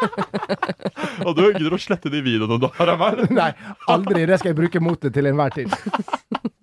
Du, når er det vi skal Vi møtes jo retten til uka. Altså, Nå har det ringt inn for lenge siden. Hva, eh, OK, en siste ting. Hva, hva, hva du vil si? Hva du vil nå med, med miljøarbeideren? Hva jeg vil med Ja, hva du vil. Nei, altså, jeg vil jo bare at du skal være på min side og heie på kjærligheten, da. Eller hva tenkte du på? OK, skal jeg si det som OK, greit jeg er voksen, og du går i tredje, men jeg alltid elsker det. Ok, nytt problem. Denne filmen eh, må spilles inn. Dette var gøy. Jeg- vi har eh, Dette var rettighetene gøy. til denne filmen, ikke sant? Øh, Ja. Vi Ja, ja. deler eh, 30-30-30. Jeg må spørre Og Thomas så siste uten ti til uh, de som Ja. lager den. Ja. Maipo Film, bare å ringe. Mai på film, bare Ja. ringe. Ok, Thomas uten H, du skal eh, stå for kjærligheten. eh, og du skal gjøre det litt sånn nedpå Ja. i skolegården eh, over en uke. Ja. Eh, Var det ikke det vi kom fram Jo, til? men jeg tror, er dere enige, da? Ja. Ja ja. Men det er sånn det må skje. Ja, Okay. Ja. Men basert på det du akkurat har hørt her, så Ja. ikke planlegg. Eller skriv ut noe på hvordan det skal bli. Nei, enig. Har du et problem og trenger hjelp, ja, så sender du det til meg. Da bruker du Siri, alfakrøll, radionorge.no. Denne uken er eh, Maria Stavang og Håvard Lilleheie mine hjelpere. Tinder er noe dritt, står det her, og det er mer bokstavelig enn dere skulle ønske. Hei, jeg trenger hjelp. Jeg vil selv påstå at jeg har opplevd tidenes Tinder-mareritt. Jeg prata med en kar, han kom på besøk. Vi drakk litt vin, kanskje et glass for mye. Det var hyggelig, så vi la oss til å sove. Så, så hyggelig, men ikke så hyggelig, da, på mange måter. Ja. Eh, Det tar ikke lang tid før han sovner, og jeg begynner å høre fiselyder. I tillegg lukter det fælt, så jeg går og legger meg på sofaen. Neste morgen våkner jeg av at han har starta vaskemaskinen og går i dusjen. Når jeg går på do etter han, ser jeg at vannet i vaskemaskinen er brunt. I tillegg kjenner jeg en intens lukt fra soverommet. Jeg går inn. Alt sengetøyet er tatt av. Jeg ser ingenting på overmadrassen eller dyna, men så snur jeg de rundt for å dobbeltsjekke, og der er det en stor, altså stor, brun flekk på begge to. Karen har altså bæsja ut senga mi, satt på sengetøyet til vask og prøvd å skjule alt sammen. Mens jeg finner ut av alt dette, har Karen sovna på sofaen. Jeg aner ikke hva jeg skal gjøre, men ender med å brase ut i stua og si at han må dra fordi jeg har mange planer. Han nevner ikke et ord om hva han har gjort. Jeg tar på engangshansker, prøver å vaske, men det går ikke vekk. Jeg blir nødt til å kaste dyne, alt sengetøy og overmadrass. Det tikker så inn en melding fra denne karen. Han ber meg ut på ny date. Jeg svarer at jeg ble nødt til å kaste alt han hadde bæsja på. Han prøver å tulle det vekk, men sier til slutt at han kan dra sammen med meg for å kjøpe nytt dagen etter. Jeg har ikke tid til å vente til dagen etter, så jeg drar alene, punger ut 6000 kroner for ny overmadrass og dyne. Dette er ikke inkludert nytt sengetøy. Så til dilemmaet. Karen tok heller ikke kontakt med meg den øh, dagen etter, så jeg sendte han en melding og sa alt jeg hadde betalt. Men jeg får ikke svar. Jeg er student og har virkelig ikke råd til å bruke så mye penger uten at det går utover daglige utgifter. Må jeg finne meg i å stå for utgifter selv, eller skal jeg kreve penger fra han? Jeg kan ikke plutselig kreve 6000 kroner fra foreldra mine uten god grunn, og det frister veldig lite å fortelle dem denne fæle historien. Tilleggsinfo. Karen er ikke student, han nærmer seg 30 år i full jobb. Kall ham TM, altså Tinder-mareritt, kan være for Nora. Tusen takk for hjelp. Hilsen fattig student som ikke skal på ny Tinder-date med det første. Kanskje litt fattigere, men verdens beste historie på fest. Ja, det er En historie rikere er hun. Ja, helt utrolig. Det er veldig sånn filmøyeblikk-følelse der. Altså, det, er veldig, det, er veldig, det er jo kjipt for henne, fordi det, hun har dårlig råd, Mhm. men utrolig fornøyelig å høre om. Ja. Eh, Hun kommer til å synes flaut i begynnelsen, men jeg tipper innen et halvt år så nå eier hun den historien og forteller den nesten som noe av det første hun gjør når hun treffer folk. Ja. Om den gangen, vet du. Mm, jeg Ja. tror også det. Men 6000 kroner er mye penger, og hun er jo irritert på han fyren. Det er klart man har lyst til å eh, loppe irriterende folk for 6000 kroner de faktisk skylder. Ja, men Hvis han har ghosta, så kommer jo ikke han til å betale. Da må du bare la det gå. Hva, hva skal du gjøre? Skal du ta offentlig innkreving? Det går jo ikke, det. Dette er jo, foreldrene hans. dette er jo risikoen ved internettdating. At folk skal bæsje i senga di. Ja, det er jo altså du, du inviterer jo inn folk du ikke kjenner, fordi de har et fint profilbilde. Altså, det er jo dette, dette er risikoen du løper, og det finnes nok de som har opplevd det verre òg, dessverre. Ja. Uh, Jeg hadde funnet bilder av han på internett og sagt jeg sender dette til sjefen din og sier hva du har gjort hvis ikke jeg får penger. ja, Jeg sender det til vennene dine. Jeg legger det på. Jeg setter det på lyktestolper i nabolaget der du bor. Bæsja i senga mi! ja det, det kan du gjøre. Jeg hadde ikke gjort det, Du men ikke jeg hadde det. sagt at jeg skulle gjøre Mm. det. Kanskje. Ja, for du må, du må jo bli bare fæl, og som er riktig, da. Hvis Ja. du skal få de pengene tilbake, tenker jeg. Fordi at hvis jeg har bæsjet i sengen til en eller annen fyr jeg har vært på Tinder-date med, og så får jeg vite at det kostet 6000 Nå er det litt, nå er det litt annen situasjon, for da Hvis man er kjent og gjør det, så er du ganske Da, er får- fucked. Da er du fucked. Ja. Men hvis du er ukjent uh, på bygda, liksom, så eh, Det fins ukjente i storbyen også. Bare. Nei, alle i storbyen har ja. en eller annen gang hatt eller annen- 15 minutes of et ja, for han kommer ikke til å kontakte henne og si sånn Selvfølgelig skal jeg betale tilbake det jeg dreit på. Det kommer ikke til å skje. Hvorfor Jeg spoler litt tilbake. Hvorfor ber han henne på ny date? Tenker han at han skal slippe unna med dette? Ja, det er en skamløshet som jeg det er nest- Elsker. Jeg får respekt for fyren. Det er jo helt Altså, Du har bæsja ned senga hennes. Og så er det du. Møtes igjen, eller? Da er du fri og fin, altså. Men jeg tenker da har han gjort det før. Dette er ikke første gang han driter ned en seng. For han må jo fortsatt få seg kjæreste selv om han driter på seg. Han får seg aldri kjæreste. Det ryker jo på første Tinder-date hver gang, det der. Hadde jeg elsket en mann, så hadde jeg elsket han selv om han bæsja på seg. Jeg, noe av det første jeg gjorde med min mann, var å dra på cruise på en båt som hadde norvovirus om bord. Eh, Unnskyld, uh, lokføreren, at jeg outer dette, men jeg syns det er hyggelig å tenke på at eh, jeg våknet på natten inne på lugaren av at han sto i sengen og sa faen, jeg bæsja på meg. Men da var det norvovirus, så var ikke to glass rødvin for mye. Det var det ikke, det var norvovirus. Han sto for det, da! Han, sto for det. Ja, han Altså- ble spylt, og det var Vi er fortsatt sammen Ja, i ja, dag. men det var ikke en, det var ikke en fyr som var ikke første date. Nei, det var, Nei. Du hadde ikke bare sveipa feil vei, liksom. Nei. Ehm, Men han, Så- jeg bare lurer på, fordi han Jeg tror ikke han, hvis han tenker seg om, tenker at dette slipper jeg unna med. Fordi det er ikke normal prosedyre uansett å, å, å sette på klesvask, altså, ikke sant. Hele situasjonen er off. Så selv om ikke det hadde vært flekk, så ville hun tenkt sånn, det, her, det er noe rart her. Han vasker alt sengetøy i dag, hva er det han har drevet med, liksom? Han prøver å komme unna med det. det er det han gjør. Han prøver å skjule det, eh, og det er det den vasken betyr. Og så hadde han, vært, hadde han stått for det, så hadde han sagt du, faen, liksom. Jeg blei for full, og det har gått uh, skikkelig gærent. Ja. Uh, men det har han ikke gjort, ikke sant? Han satt på den vasken, og han snudde. Som er jo, Det ødelegger jo enda mer, for da får du jo den bæsjeflekken ned mot selve hovedramma. ja. Uh, Så går han og legger seg på sofaen etterpå og ja, og sover litt. sover. Han er jo det, han, er jo en, han er jo på noen måter en legende, men uh, han er jo ikke en legende du, han er ikke en legende du vil dele livet med. Uh, penga tenkte jeg hvis dette er et engangstilfelle hvor han bare Å, herregud, det der var så flaut at jeg må bare late som ingenting. Jeg hadde også gjort det hvis jeg hadde drept Jeg tror også jeg hadde gjort det. Hadde du ikke sagt det? At det her er gått Eller skyldt på den andre parten, liksom. Det, det, Hun lå jo på sofaen. ja, men du bare prøver, liksom. Du har ikke du Det var deg! Det var deg! Du har så Ja. Eh, det Jeg skal ikke betale når det er du som dreit. her, Jeg har ikke driti i det, det var deg. Det er gøy. Det har vært et her er forsøk. det bare å børste av seg og gå videre. Så hun må øh, øh, ta på seg den regningen. Hun må både ta på seg liksom skammen over å ha øh, dratt med seg en driter inn i huset, og så betale 6000 kroner i tillegg. Det syns jeg ble en dyr date for Hun henne. kan jo ljuge til mora og faren sin om at det er noe annet. Altså finne på noe, en annen utgift. Jeg bæsjet i sengen. Jeg, Ja. treng, jeg har bæsjet i sengen. For eksempel. Jeg spiste noe dårlig mat Ja. på restaurant, og nå har jeg bæsjet i sengen. Jeg må Hva se. ville du helt For det er lettere å innrømme for foreldra sine at du har bæsja i senga, enn at du hadde en Tinder-date som gjorde det. Jeg ville jo skryte meg av noen mye sårere, men jeg skal ikke si det. Altså, jeg hadde dratt en mye tristere historie. Ja, Det hadde jeg gjort. ja, ja. ja, ja. Vi, vi trenger ikke være spesifikke, men, men da, er, da er det jo bare fantasiene som setter grenser. Mm. Og det, du skal vite det, dette har jeg brukt mye på mine foreldre opp igjennom. Hvis du setter de i en pinlig situasjon, sier mer enn det man tenker at barn skal si i den alderen, så blir de så flaue at de betaler. Så da er det bare Altså, du må bare Du må rette kravet til de du elsker, og de som elsker deg, eh, og så må du ljuge. Ja. Be altså, om p-piller, for eksempel. Jeg fikk så mye penger til p-piller av mamma som jeg brukte på øl da jeg var 16. Hele tiden. Hun turte ikke å spørre sånn Hæ, skal du ha enda mer p-piller? Ja, jeg må ha så mye p-piller. Jeg må ha masse, masse p-piller. Rett på Ringnes. Men, Men- ja. Nei, altså sånn, hun kan jo selvfølgelig prøve å liksom ikke Jeg ville jo ikke gitt meg bare Å, det går ikke første dagen jeg spør. Jeg ville jo bare liksom hatt en sånn påminnelse på telefonen at hver dag klokken åtte så skal du sende det Vipps-kravet, eller spørre om hvor kan jeg få de pengene. Sånn. Du blir nesten litt sånn terror. Han er 30 år i full jobb. Ikke glem hvor blakke dere var når dere var studenter. Hun er student. Hun har ikke 6000 Det kroner. er derfor du må Ja. gå til foreldra. Altså, Du skal, ikke, du skal ikke gi deg, du skal fortsatt prøve, men vær, bare vær liksom obs på at det kan være du får ikke de pengene tilbake.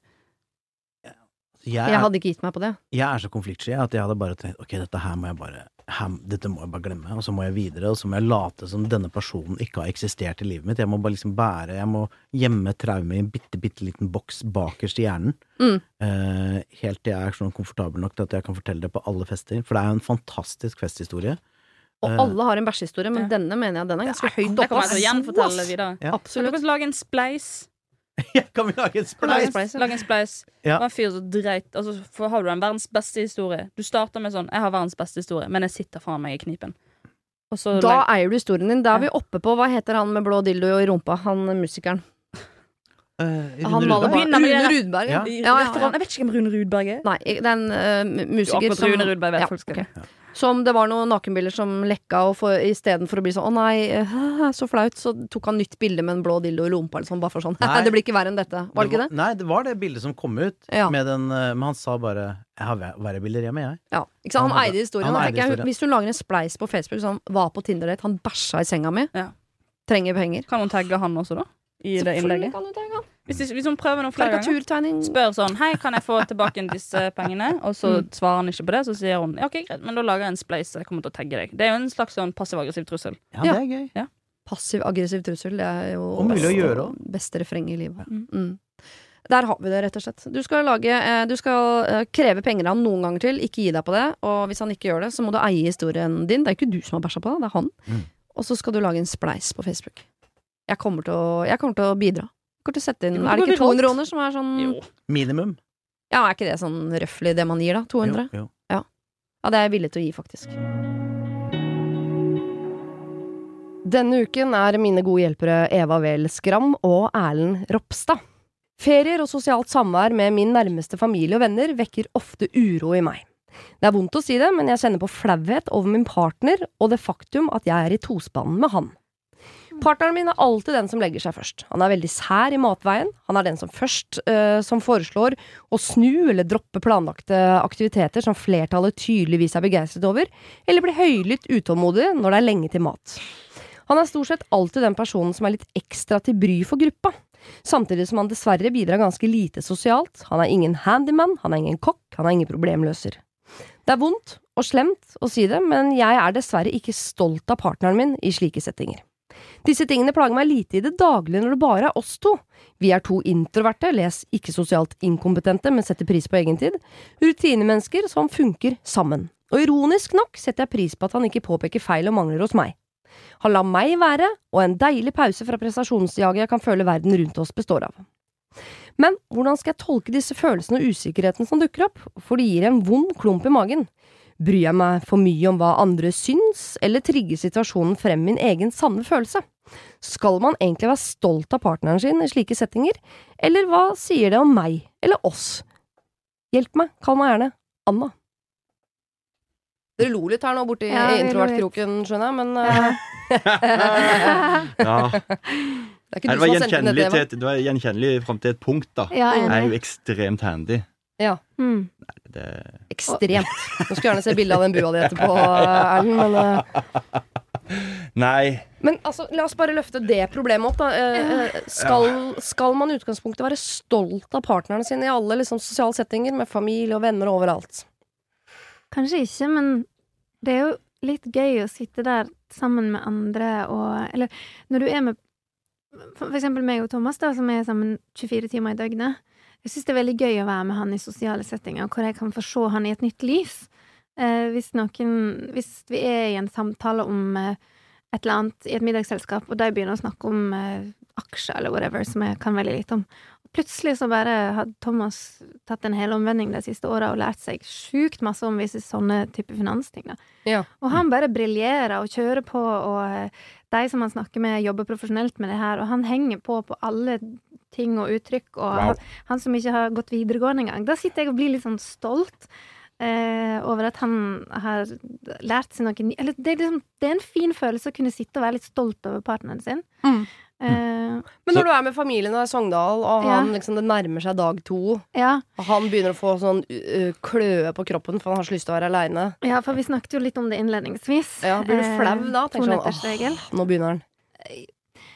Ja, litt, men nå kjenner jeg han godt, da. Sånn at de veit at han eh, Fordi det var derfor vi lo litt når du leste det her. For jeg, kjente igjen eh, Thomas på litt, og så tror jeg Erlend kjente seg igjen i litt. Jeg gjorde det. Men ikke der hvor det liksom bikker over til at du bare ikke bidrar på noen som helst form. Jeg kan skjønne litt at hun eh, Anna At man blir flau. Ja, det kan Mm. jeg skjønne. Ja, for jeg setter jo pris på mennesker som, som gidder å være sære, og som, som er på en måte Selv om jeg mener at det går en sånn linje mellom å være prinsippfast og bare være vrang. Ja. Ja. For det er noe med sånn Nei, så elska ikke du kubb, da. Ja. Ja. Men nå har alle bestemt seg for kubb. ja.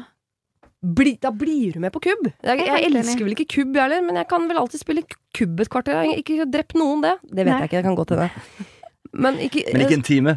Nei, men ikke vær så sær at sånn Nå skal ni av ti her spille kubb. Mm. Jeg vil løse kryssord. Ja. Ok. Ja. Da, Altså, i, venne, nei. I vennekretsen så setter jeg alltid veldig pris på de som er awkward i sånne der sosiale settinger. Jeg syns det er så gøy, og det mest interessante folka er jo de som, som kanskje er litt dårlige på det der, da. Mm. At, som er litt sånn kantete sosialt, og som, som tråkker litt uti det og, og ikke trives så godt. Mm. Ja. så det kan bli ganske interessant og, og, og gøy og sånn, men, men som partner så er det kanskje stiller det seg Ja, pluss at det er forskjell på å treffe på de personene litt på fest, Ja. enn som hun gjør, som opplever om å være en hel helg med familie eller venner, og så Ja. sitte konstant på skuffelse etter skuffelse etter skuffelse, at liksom ikke han ja. gidder å ta tallerkenen sin bort. Eller bare sånn folkeskikk, høres det ut som, da. Ja, ja. Fordi at du Og gidde å være en del av gruppa. For greit Ja. noen ganger tenke sånn eh, Jeg eh, kan selvfølgelig kjenne meg inn i det hele introvertpakka, men ikke bruk det som sånn hvitt flagg du heiser i enhver anledning for å slippe Ja, å gjøre noe enig som helst. For det er ikke sånn, du er jo ikke Du har jo bein og armer og et hode som fungerer. Du må jo kunne Mm. Ja. Selv om ikke du elsker at man er en flokk som løper etter ball, så mm. gidd det, da. Ja, tre, ja. tre minutter, liksom. Ja. Det, så, da, Ja. Er, Jo. er det, ja. ikke alltid, men innimellom. Jeg synes det er litt Du kan ikke si nei til alt. Nei, jeg kan ikke si nei til alt, men jeg syns det er litt sånn greit å være litt kantete, og hvis det blir litt konflikter og litt sånn krangel og sånn, det skal jo ikke alltid Vi skal jo ikke være liksom full sånn der Edelweiss-stemning og løpe over eh, liksom blomstereng og Mm. ha det fantastisk fett og harmonisk alltid. Det er ikke sånn livet er. Nei. Hvis du har en partner som ikke funker så bra sosialt, da, Mm. og som ikke tar de der signalene og som ikke rydder etter seg, eller er litt kantete og er frekk, og, Mm. eller nedlatende og sånn, ja, OK. Så, så kan du kan dere ha en liten Så kan dere være uenige om det, så kan det til og med være et kime til en liten konflikt, men det er ikke noe Jeg syns ikke det er noe sånn der deal-breaker i det hele tatt. Sånn kan det være. Så Men, du eh, mener at hun ikke skal være eh, flau over ham, men heller bare tenke at Ja. sånn er han? Det- Sånn er han, men så kan det godt Hvis hun blir flau, så er jo det en reaksjon som, som kommer, Mm. og så blir hun flau. Ja. Det er jo flau, da.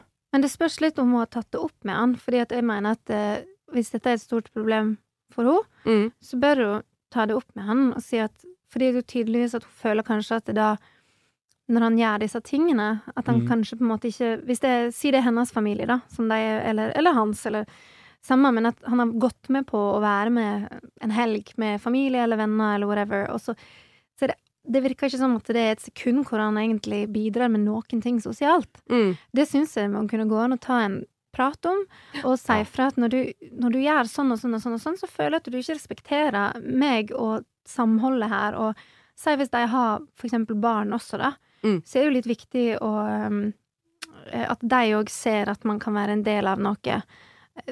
Nei, jeg syns at det kreves en liten prat der om det her og de tingene. At det Mm. går an at det, hun har sikkert visse ting som irriterer han, og så kan jeg mm. Ikke sant? Alle har jo ting Ja. som irriterer. Ja, og jeg syns Jeg tror at jo eldre du blir, da, så, så kan du på et tidspunkt vel bestemme deg for at eh, nei, jeg er meg, og det er sånn Jeg har endelig oppdaga at jeg er introvert, og jeg må få lov å være det. Mm. Så det er sånn Ja, men hvis to skal fortsatt ha et samliv og øh, øh, oppleve gøye ting i lag, og hvis du går vel i den retningen, altså den ene veien, og den Mm. andre går i den andre veien Man må møtes litt på midten på noen ting for å kunne oppleve kjekke ting i lag òg. Og så skriver hun sånn eh, Han er ingen handyman, han er ikke noe kokk, han er ikke problemløser. Nei vel, og det blir han ikke heller. Selv om dere tar en prat om det, så blir han ikke det. Så da, da slipper han det. Men å være nei-fase på absolutt alt i alle sammenhenger hvor dere er sammen med andre mennesker, som gjør at du sitter og er flau over partneren din, det er ikke noe god følelse. Men så tenker jeg at prøv å ikke liksom la den flauheten ta bolig. Ikke vis at du er flau. For egentlig vil jeg tenke som hvis jeg var sammen med et par som var litt sånn awkward, Mm. hvor eh, la oss si han var litt sånn eh, eh, sær type, så ville jeg tenkt sånn oh, han var sær, ja ja. Mm. Men hvis det satt en ved siden av en partner som var sånn hver gang han gjorde noe sært, så satt hun og okka seg og var flau og var litt sånn Ja. dårlig humør, så Ja. ville jeg tenkt det er et større problem for meg. Ja, to, At du sitter og er sånn Ja. åpenbart flau over han, Fordi Ja. da blir det flaut. La Ja. han ikke røre gryta, det går fint. Ja.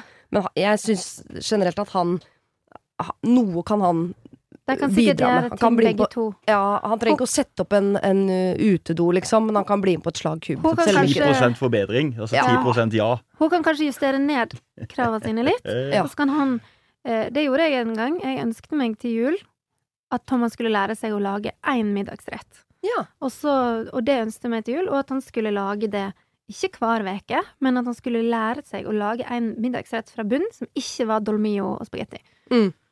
Ja, og det gjorde han. Hva ble det da? Laks og grønnsaker.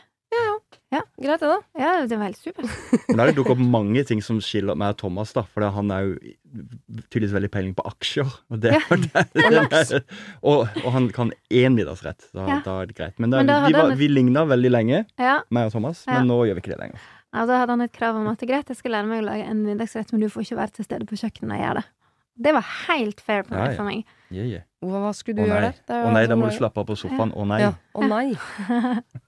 Uff. Nei, dere må ta en samtale. Anna, du må snakke med typen din om at neste gang dere skal ha noe sosialt, så må han må øh, forbedre seg 10% på et eller annet. Noe må han bidra med. Ja. Og så må du prøve å slutte å være flau over han. Heller tenke sånn Han er en sær type. Det er derfor jeg elsker han. Mm. Eh, vi fungerer flott på tomannshånd. Ja, er det, men kan ikke jeg bare si at det er jo det som egentlig betyr noe her? At de fungerer bra for tomannshånd. Det er jo Det er det som er, det er jo kjernen i, i, i relasjonen her. Jeg syns jo det er høres topp ut. Altså. Ja. Da er det litt kantete. Altså. Herregud. Ja. Noen, noe kanting og krenging er det jo i alle relasjoner. Ja. Absolutt. Men nå, jeg, jeg, igjen, altså. Setter pris på seg. Jeg er sammen med et enebarn sjøl, som ikke er vant til å gjøre noen ting som gagner gruppa. Oh, ja. Jeg, bare innimellom, jeg skjønner at ikke du har lyst til at ikke dette er naturlig for deg, men Mm. du, du skjønner jo at kubb er over på et kvarter. Vi kan spille Ja. kubb, liksom. Ja, helt enig. Ingen som Det går bra. Ja. Så kantet er fint, men ikke, ikke Man helt man må kunne ofre litt for den man elsker. Hvis det betyr noe for henne, så bør han kunne gjøre et eller annet. Du må kunne right. spille kubb for den du elsker. Mm. Faen.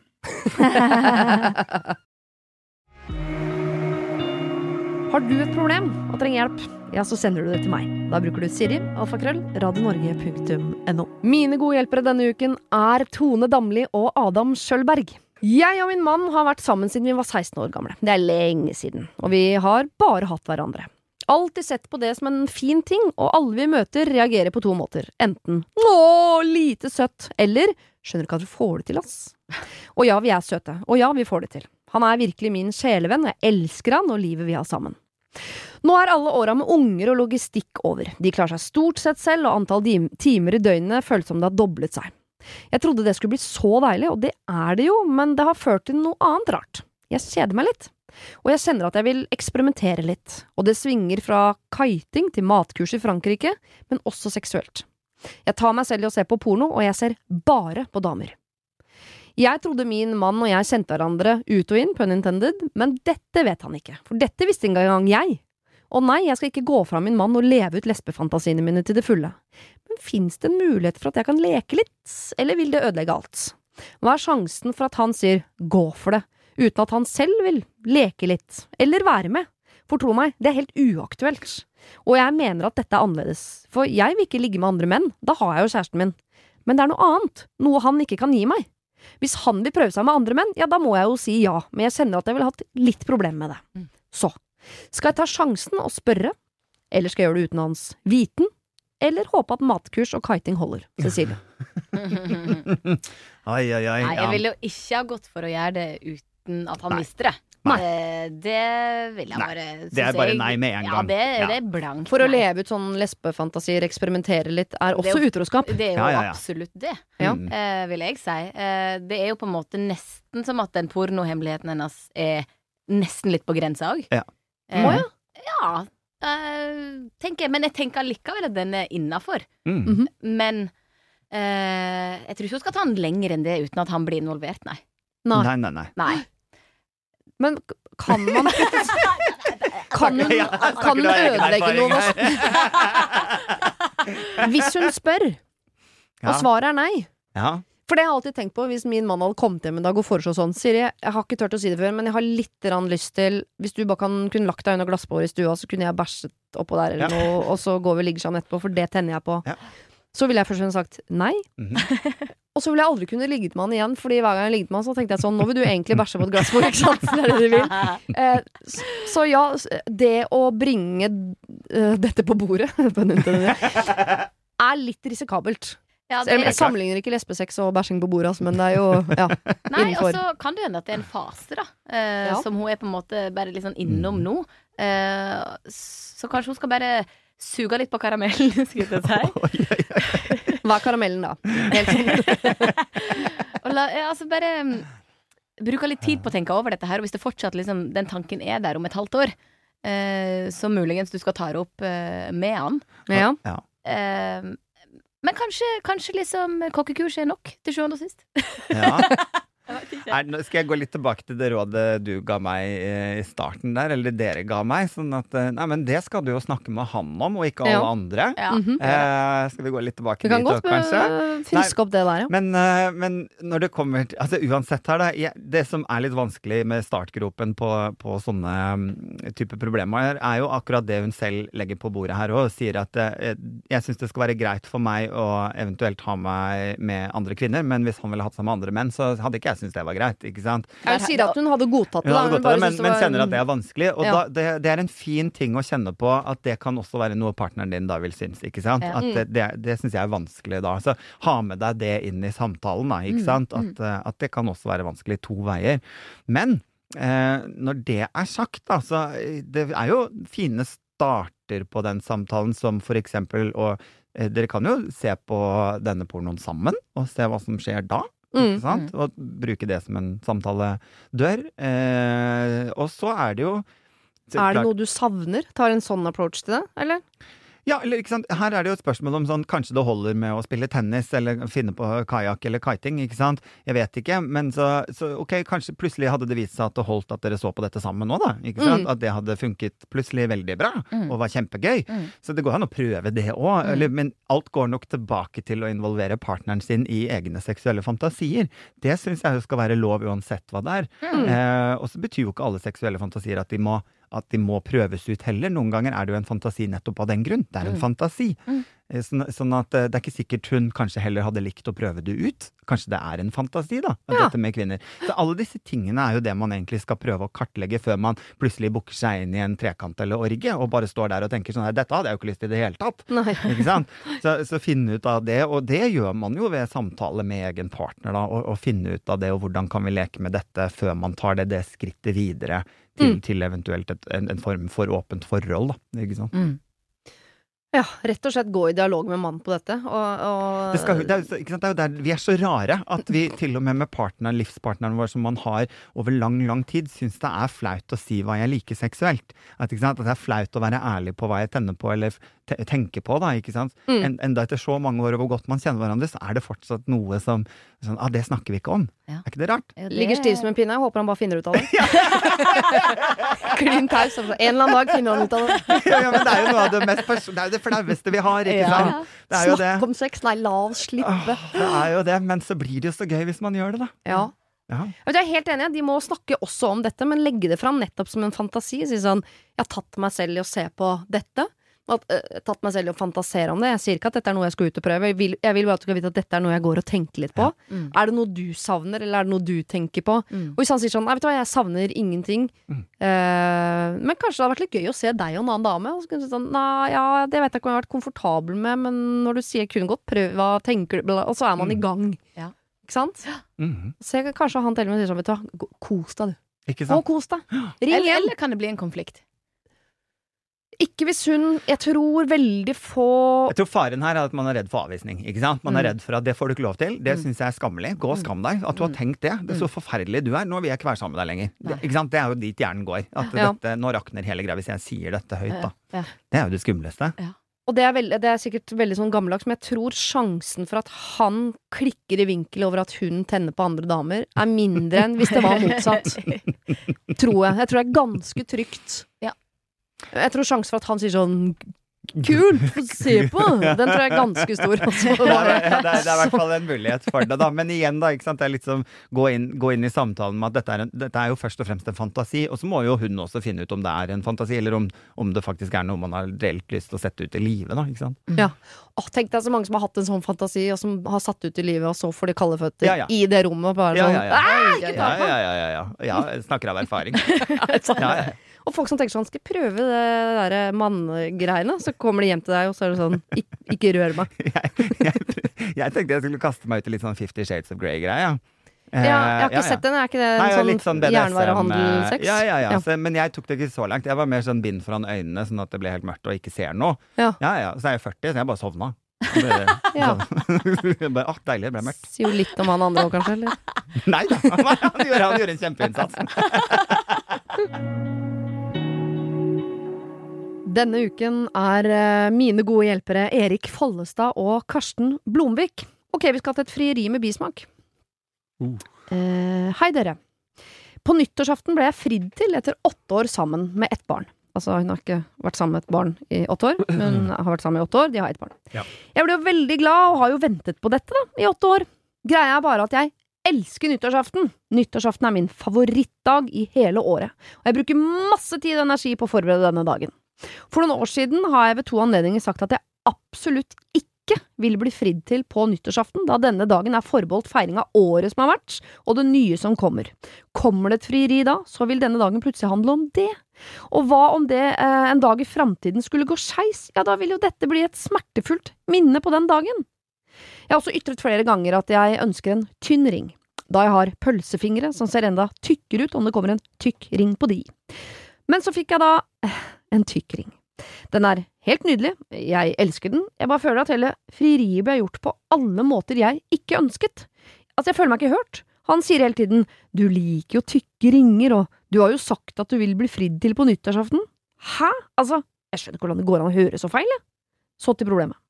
Når han sier disse tingene, eller når vi krangler om ting, da, så får jeg et enormt behov for å rope ut du kjenner meg jo ikke! Og fortelle hva jeg føler om frieriet. Jeg vil jo ikke det, jeg vil at han skal få ha det gode minnet. Han har jo ikke gått inn for å gjøre noe feil, jeg bare føler meg så lite hørt at det plager meg mer enn jeg skulle tro. Skal jeg fortelle han hva jeg føler, eller skal jeg holde det hemmelig? Kall meg fittetryne, da jeg skjønner at dette ikke er et problem, men så ble det jo et problem for meg allikevel, da. Jeg syns det blir vanskelig å kalle henne fittetryne hele veien igjennom, så det er mulig gjerne- jeg bare sier tryne. Jeg, vi, vi skulle gjerne kalle henne det. Ja. For fy faen for noe klaging. Eh, er det mulig? Din bortskjemte, utakknemlige kjerring! Ja. Er det, det er vel ikke lov å si det heller? Men det får da være grenser.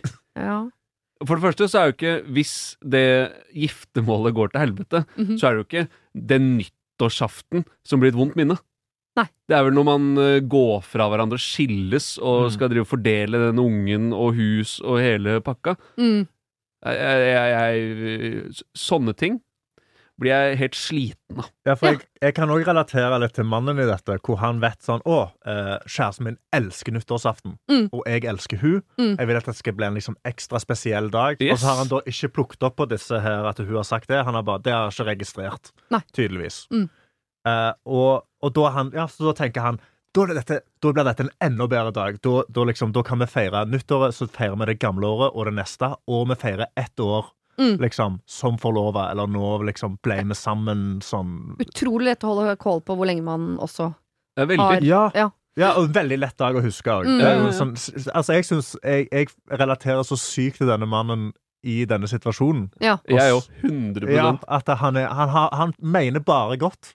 Og jeg tror kanskje du må bare prøve å huske det, at han, han ville bare godt, og han har jo lyst til å gifte seg med deg og være med deg resten av livet sitt. Mm. Den tykke ringen, da, hva han har tenkt der? Tykke fingre. Må bli tykk ring, da. Han syns så- vel ikke hun har tykke fingre? og Hun har nei. sannsynligvis ikke tykke fingre heller. Nei. Det er jo det er, bare sitter og klager over 'Å, jeg har så tykke fingre'. Nei, du har ikke det. Du har Helt, ikke helt vanlige fingre. Ja. Ja. Og han syns vel at den ringen var fin. Og sikkert, jævlig mye dyrere enn den der tynne ringen òg, så han har jo virkelig Ja. lagt sjela si i det greiene der. Mm. Er ikke frieri er, det ikke, er man ikke da er ikke, det, er ikke det en fin greie? Skal ikke det være Det høres ut som hun hater hele greia. Ja. Fordi han fridde på den dagen For det første så er nyttårsaften den verste dagen i året. For Ja, man har bare masse Den festen blir aldri bra uansett. Nei. Nei. Og nå ble det jo egentlig ganske hyggelig. Jeg, jeg blir irritert. Ja. Ja. Ja, jeg òg kjente på det. At nå bare syns jeg synd på han som da har liksom satt sammen dette og liksom vært sånn Å, nå skal jeg kjøpe en fin ring til henne, og, og jeg skal fri på, på hennes yndlingsdag. Ja. Nå er vi så glad, vi er i så godt humør, nå skal vi gjøre det enda bedre. Han har vært i, det- i ringbutikken og sett på tynn ring og bare Nei, nei, vi klinker til. Yes. den tjukke der. Mye dyr dyrere. Nei. Den er ikke dyr nok. Dobbelt så mye gull. Dama mi skal ha mer, hun er verdt mer enn det. Ja. Og, så, og så skal du sitte og tenke at Åh, jeg, jeg syns fingrene mine ser litt tjukkere ut med han. Har du hørt noe sånt? Ja, Tenk deg når hun skal prøve brudekjola. Det blir jo et helvete. Ja, jeg tenkte, det, det kommer til å bli et helvete ja, å arrangere det bryllupet, for alt blir feil. Jeg håper han setter bryllupet på nyttårsaften. Ja. Han setter bryllupet. Der har dere ingenting dere skulle sagt. Nei. Men eh, nå ble jeg veldig fanget av deres energi på de greiene der. Bare for å liksom spe på mer eh, gørr i gryta. Ja. Eh, et frieri Det er litt sånn typisk oss kvinner å tenke at det frieriet også handler bare om meg. Og det eh, bryllupet handler bare om meg. Mm. Men skal vel være 50-50. Så hvis han tenker at nyttårsaften er en fin dag å fri på, Mm. så eh, er vel det eh, opp til han. Og hvis han syns at eh, sukring er fint, selv om hun skal bære den, så jeg skjønner at der er mer 75-aktig på hennes eh, favør, da. Mm. Men det er noe med at alt kan jo ikke være på hennes premisser når det er han som frir. Mm. Det skal jo være eh, delt. Ja. ja.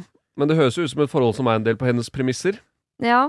Eh, På fittetrynet sitt, men Erik er skikkelig irritert når jeg ser at det jeg, jeg, koker. jeg bare syns det er så utakknemlig. ja. At, at det liksom en, en så stor og fin greie, og så er det det hun tar med seg ut fra frieriet. Mm. Når han åpenbart, ja, som, i hvert fall som Karsten jeg tenker, som er eh, gutter, da, som ikke får med oss alle signaler og alt som blir sagt, så jeg, bare, det, jeg syns det er dårlig, for å være helt ærlig. Og jeg er jo helt eh, Jeg er så distré at jeg så, så jeg kjenner meg veldig igjen i liksom det, Nei, men jeg sa jo at det ikke var Å ja, jo, det fikk ikke jeg med meg. Sorry. Men jeg prøvde å gjøre en hyggelig greie her. Ja. Så Det skal vi jeg ikke gjøre igjen. Nei, ja, aldri. kan, kan man ikke foku ja, Man må fokusere på det som er hyggelig. Ja. Ta deg sammen, ass. Ja. Ja. T- Tenk på intensjonen. Ja. Altså, her- her er det liksom Det skal være en sånn En veldig stor ting, Mm. og på en veldig fin dag. Eh, så ja, altså her er jo intensjonen hans bare god. Han, Han altså, vil du har han funnet en mann som gifter deg seg med deg, til tross for at du er et fittetryne. Yes. Altså, det er jo fantastisk Ja, det må ta med seg. Men nå skal jeg snu det litt, for jeg, jeg er helt med i, i gutteklubben her Mm. eh, nå. Men samtidig, jeg skjønner at dette her er bare et eksempel. Kunne sikkert sagt noe annet, ikke sant. Mm. Eh, Jeg har også uh, sutring på min uh, CV. Jeg, I mange år så sa jeg til min mor en eller annen gang i løpet av desember hva jeg ikke ønsket meg til jul. Ja. Og hun hadde en tendens til å glemme ordet ikke, og så fikk jeg det. Mm. Da tenkte jeg sånn, amen. Og det var fortsatt hyggelig hun hadde kjøpt, og det var gave også. Jeg ble pottesur hvert eneste år, fordi hun hadde da eh, ikke hørt ordet ikke. Jeg tenkte sånn, du hører jo ikke etter! Mm. Og det er det et tryne som jeg er tilbake på nå, er irritert over at hun er i ferd med å gifte seg med en mann hun, som ikke hører etter. Som ikke ser henne. Altså det, det aller viktigste for veldig mange av oss er jo å være i et forhold, om det er med kjæreste eller venner eller foreldre eller hva det er, som ser oss og skjønner hvem vi er.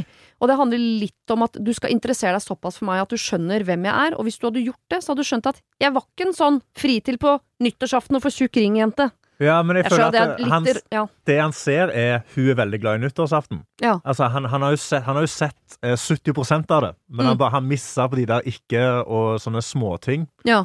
Men det er jo det at han vet jo dette er en veldig lykkelig dag, hvor hun er i kjempegodt humør, Mm. og jeg har lyst til å være med. Kanskje han vil skape sitt eget kjempegode nyttårsminne. ja. Og samtidig i det forholdet, da. Men hun ser jo bare liksom fortsettelsen her, at på en måte Hvis ikke de er sykt gode på å kommunisere, så er hun litt avhengig av at han skjønner henne når hun hinter.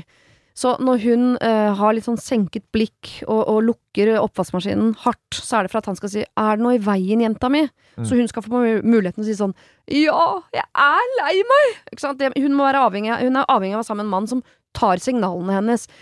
Hva skjer når de har fått barn, for, enda et barn eksempel, Mm. og han ikke skjønner hva hun vil? Eller hun har fått um, sparken på jobb, og han skjønner ikke at hun er lei seg. Eller han skal arrangere La oss si de gifter seg, da, og så er det ti års bryllupsdag, og han bare 'Det blir gokart i år òg!' Ja, men, men i helvete! Jeg hater jo gokart! Og ferie nummer 15, nok en kanotur! Det eneste hun vil, er å, å dra til Danmark! Altså, jeg bare ser for meg dette er et par som, hvis ikke de kommuniserer godt, og han skal eh, gå inn med sine 70 masse, 100% gode intensjoner, men 70 forståelse, Mm. det er ikke nok for Tryne. Nei, men da må Tryne Jeg tror ikke Tryne Nå har de vært sammen i åtte år, Mm. og hun har fortsatt ikke gjort noe med det. Jeg, jeg tror jeg ville valgt noen andre kamper enn akkurat det frieriet, Mm. som eh, jeg, For jeg, jeg også kan forstå at det er jævlig irriterende å føle at man ikke blir sett. Mm. Uh, men jeg tror ikke jeg vil ta den kampen. Ja, akkurat den Den er jo bare med gode intensjoner. Ja. F- Ja. Tror jeg, da. Men det er ikke frieriet som er Jeg tenker bare i det han har fridd, så har han skjønt Å ja, så det skal bli oss for bestandig. Det er det lille problemet, du ser meg ikke. Det er egentlig stort, fordi det skal være et problem for bestandig. Så Ja, det hun spør ja, om helt på slutten her Det er 50-50, vel. ja. Du kjenner meg jo ikke, har hun lyst til å si. Skal jeg fortelle han hva jeg Altså, la oss bare ta dette spørsmålet isolert Mm. sett, da. Glem frieriet og pølsefingrene, hvis du klarer. Skal jeg fortelle han hva jeg føler, eller skal jeg holde det hemmelig? Hva er svaret Nei, det på må det? hun jo ikke. Nei. Eh, det er jo ganske viktig at, de, at hun tar opp de tingene der. Mm. Så han blir litt bevisst på det og klar over hva hun føler. Mm.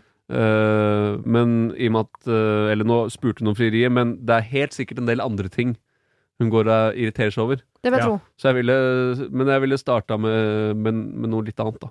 Ja. ja, for det, det er jo en, ja, det er en ganske store ting å, å fri, og du mener det jo godt. Det er jo den dama du vil være med.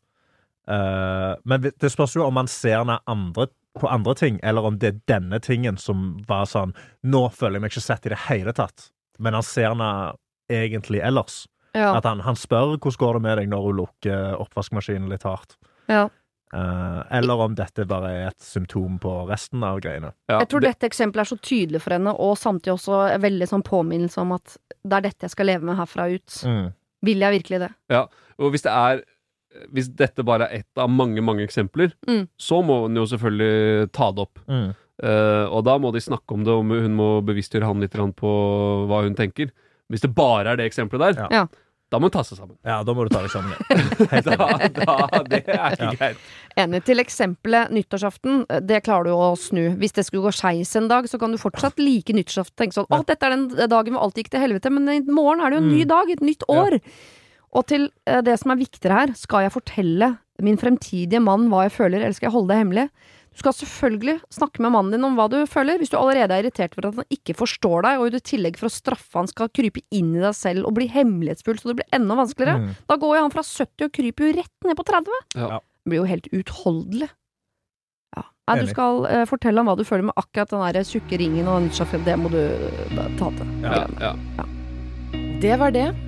Husk å sende ditt problem til siri at radionorge.no om du vil ha hjelp. Denne podkasten er produsert av Klynge for Bauer.